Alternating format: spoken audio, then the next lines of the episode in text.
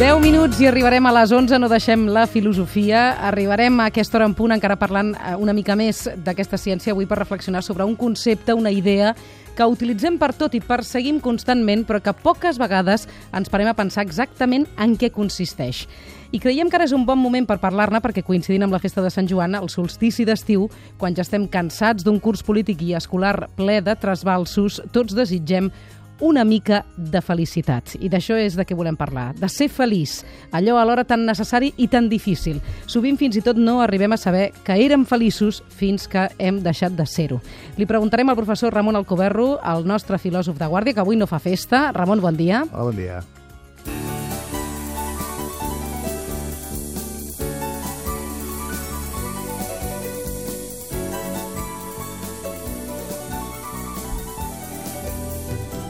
Defender la alegría. I escoltem en Serrat cantant a Benedetti. Ramon, podem fer-nos una idea del que és la felicitat? Ui, comencem forts avui, eh? No, jo no diria que la felicitat sigui una idea. Ara, sense idees no hi ha felicitat. Hegel deia una cosa molt bonica, deia que la felicitat escriu pàgines en blanc. Quan som feliços no teoritzem gaire, no pensem gaire. Quan, ser, quan som feliços gaudim d'una plenitud del moment. No? Ara, sense reflexionar, sense pensar, eh, podríem acabar caient en el parany de veure'ns arrossegats només pel pur desig i el desig dissortadament ens fa tristos perquè el desig plenament, plenament, plenament no el realitzem pràcticament mai. Eh, és molt complicat dir que la felicitat sigui una idea. La felicitat més aviat té a veure amb la imaginació, amb el desig, i té a veure amb la plenitud del moment. Mm -hmm. La felicitat seria una forma de vida, o millor una forma d'enfocar la vida, que demana una mica, això sí, de teoria. I la felicitat depèn de nosaltres o eh, si hi ha un entorn que ho afavoreix és més fàcil ser feliç? A mi hi ha una cançó de la Trinca que m'agrada molt, que deia si no saps ser feliç, ningú podrà ensenyar-te'n. No? La felicitat té sempre un component profundament personal. Hi ha gent que és feliç fent coses que a altra gent li semblen absurdes, no? Col·leccionar segells o llegir llibres de filosofia doncs, eh, pot fer feliç a molta gent, no? i en canvi ens consideren una mica estranys. No? A mi em sorprèn que la gent sigui feliç en el futbol i a altres els sorprèn que mm, jo pugui ser feliç llegint filosofia. Mm. Per tant, la felicitat és una cosa com molt, molt personal. Ara, la felicitat sempre, sempre té un aspecte que és comunitari, efectivament. Eh, sabem que una persona és una mala persona quan enmig de la dissort, quan enmig de la misèria col·lectiva, ella només pensa en ella mateixa és un tòpic dir que els diners no fan la felicitat i amb aquesta frase el que es vol dir és que mm, la felicitat eh, té alguna cosa de qualitatiu, de qualitat, no de quantitat. I la qualitat només es pot aconseguir amb la comunitat, amb la gent que està al teu voltant, segurament. Dius, els diners no fan la felicitat, que és el tòpic, però mm, el que contesta immediatament després, que ja s'ha convertit un tòpic, és uh, sí, però hi ajuda. Sí. O sigui, de vegades la felicitat també té a veure amb uh, que tinguem una situació de comoditat uh, econòmica, sí, no? el que passa és que en filosofia, la tradició filosòfica sempre ha insistit en una qüestió que em sembla de saviesa profunda, que és que la felicitat no consisteix a tenir, sinó a ser. És a dir, allò que tens ho pots deixar de tenir, ho pots perdre, pots perdre els diners, pots perdre la propietat, mentre que allò que ets, el, el teu ser, t'acompanya sempre i per tant aquesta qüestió és important. No? Mm. La, la felicitat autèntica, entre cometes, d'això d'autèntica, seria la felicitat que té a veure amb la pròpia personalitat, amb el propi estar bé amb tu mateix, no amb el tenir, que el tenir en definitiva avui el tens i demà no el tens. Però aquí surt un altre tòpic, que és aquell de eh, els pobres eh, són més feliços que els rics i els ricos també enlloren, no? I tant, i tant. La felicitat dels pobres és un tòpic, perquè la pobresa és una situació de mancança. I, en canvi, la felicitat demana plenitud és a dir, només quan notes que hi ha un moment de, de pura plenitud ets feliç, no? Si hi ha alguna cosa que et falta íntimament, llavors és obvi que hi ha la, des, la dissort, la desgràcia, no? Eh, ara, el que sí que pots fer és preguntar-te si allò que et manca, si allò que no tens és tan important, o si t'han condicionat perquè pugui ser feliç sense el darrer eh, model d'iPhone o sense qualsevol altre gadget, no? Gadget volem dir... Eh, Andròmina. Eina Andròmina. electrònica. O, no, un gadget és una andròmina. Un gadget és un objecte que es fa servir sense cap utilitat excepte la de cobrir les nostres necessitats de lluïment, de fardar, no? de ser reconeguts, de ser original.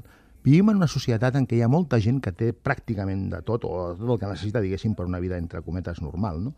I, en conseqüència, cada vegada més, moltes vegades la felicitat la identifiquem amb tenir andròmines, amb tenir mm. gadgets, que satisfan ànsies de protagonisme, d'exclusivitat.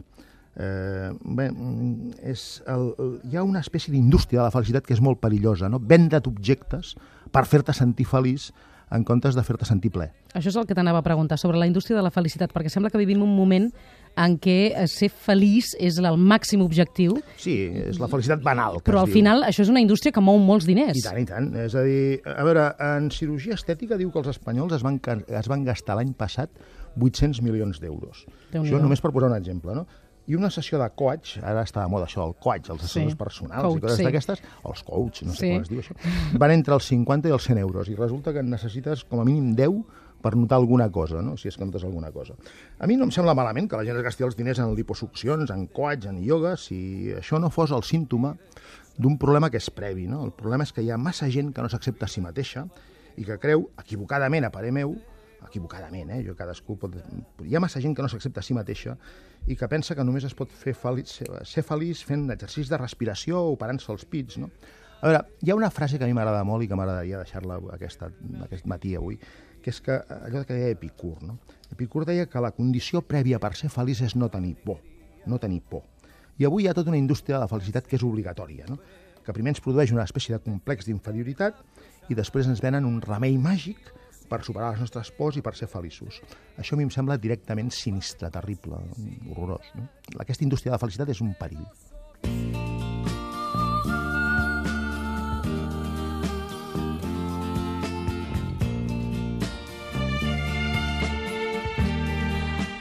Ramon, tu ets dels qui creuen que eh, qui és un egoista, qui es comporta de forma egoista, no pot ser mai feliç? Ai, Déu meu, això és complicat. A, mi m'agrada molt una frase de Nietzsche que deia la virtut fa regals. Quan una persona és feliç, tendeix a ser expansiva, tendeix a regalar-nos la seva felicitat. Se li nota en tot, se li nota en la mirada. I en un món de falsetat, de persones entorsolades, la felicitat, mm, en canvi, no és un gest, és una ganyota. Veure, hi ha una felicitat pròpia dels cínics vulgars, però que no és plenament comunicativa, que no és plenament humana. És a dir, jo penso que la felicitat quan, quan realment està, existeix com a tal, quan no és una ganyota, sempre és expansiva. És a dir, notes que la persona és feliç mirant-li els ulls i mirant les seves ganes de regalar felicitat. Mm. És, és una cosa tremenda. És a dir, si, si, no, si no expandeixes felicitat, no ets feliç. Penso també amb, que hi ha molta gent que està sola, que viu sí. sola, volgudament o no, Uh, I de vegades això de la soledat em sembla que sigui contradictori amb sentir-se ple. Es pot ser feliç ser, estant sol? Possiblement sí. A, a molta gent els inspira el silenci dels boscos i de les muntanyes, no? caminar per una sendera amagada, per un corriol del bosc. Això produeix una gran sensació de calma i de pau eh, i emocionalment fins i tot pot ser terapèutic, no? sobretot perquè la pressa i el soroll impedeixen trobar-te ser un mateix. No? Avui el silenci és un luxe, eh? Fixeu-vos que escoltar el silenci és un luxe. Hi ha molta gent, fins i tot, el silenci és que directament ens fa por, li fa por, no? Mm. Ara, la soledat té alguna cosa de perillós en la seva desmesura. Tot el que és desmesurat, tot el que és excessiu, és perillós. Eh, I en aquest sentit, la soledat excessiva seria la neurosi. No? Les persones estem fetes per parlar. I sense l'ús del llenguatge, sense comunicació, hi ha alguna cosa que no funciona. Una persona absolutament solitària, sense amics, sense conversa, difícilment pot ser feliç. Eh, em costa entendre una vida feliç que no sigui una vida de conversa. Però això potser és que jo sóc mediterrani i els mediterranis xerrem molt. Ramon, per últim, eh, la felicitat o el eh, ser feliç hauria de ser un dret reconegut a les constitucions, a les declaracions eh, de ja les Nacions una. Unides? Ja n'hi ha una. Ah, sí? La Constitució nord-americana parla del dret a la recerca de la felicitat, que no és el mateix eh, ah, que el dret clar. a la felicitat. Tenir dret a buscar una cosa no significa que hagis de trobar-la necessàriament. Clar. Vol dir que tenim dret a que els altres no ens imposin la seva felicitat. Mm, tenim dret a que els altres no ens imposin la seva peculiar manera de ser feliços.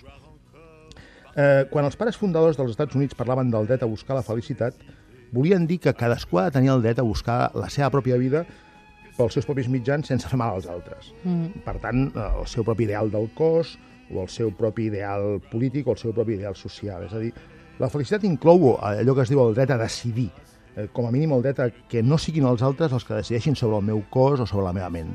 Jo penso que la condició prèvia per la felicitat és la capacitat de decidir què vol fer un, com orientar la pròpia vida.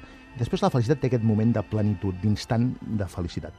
Ramon Alcoberro, moltíssimes gràcies per haver-nos acompanyat aquesta temporada, haver-nos acostat una miqueta més a la filosofia. A vosaltres, a veure.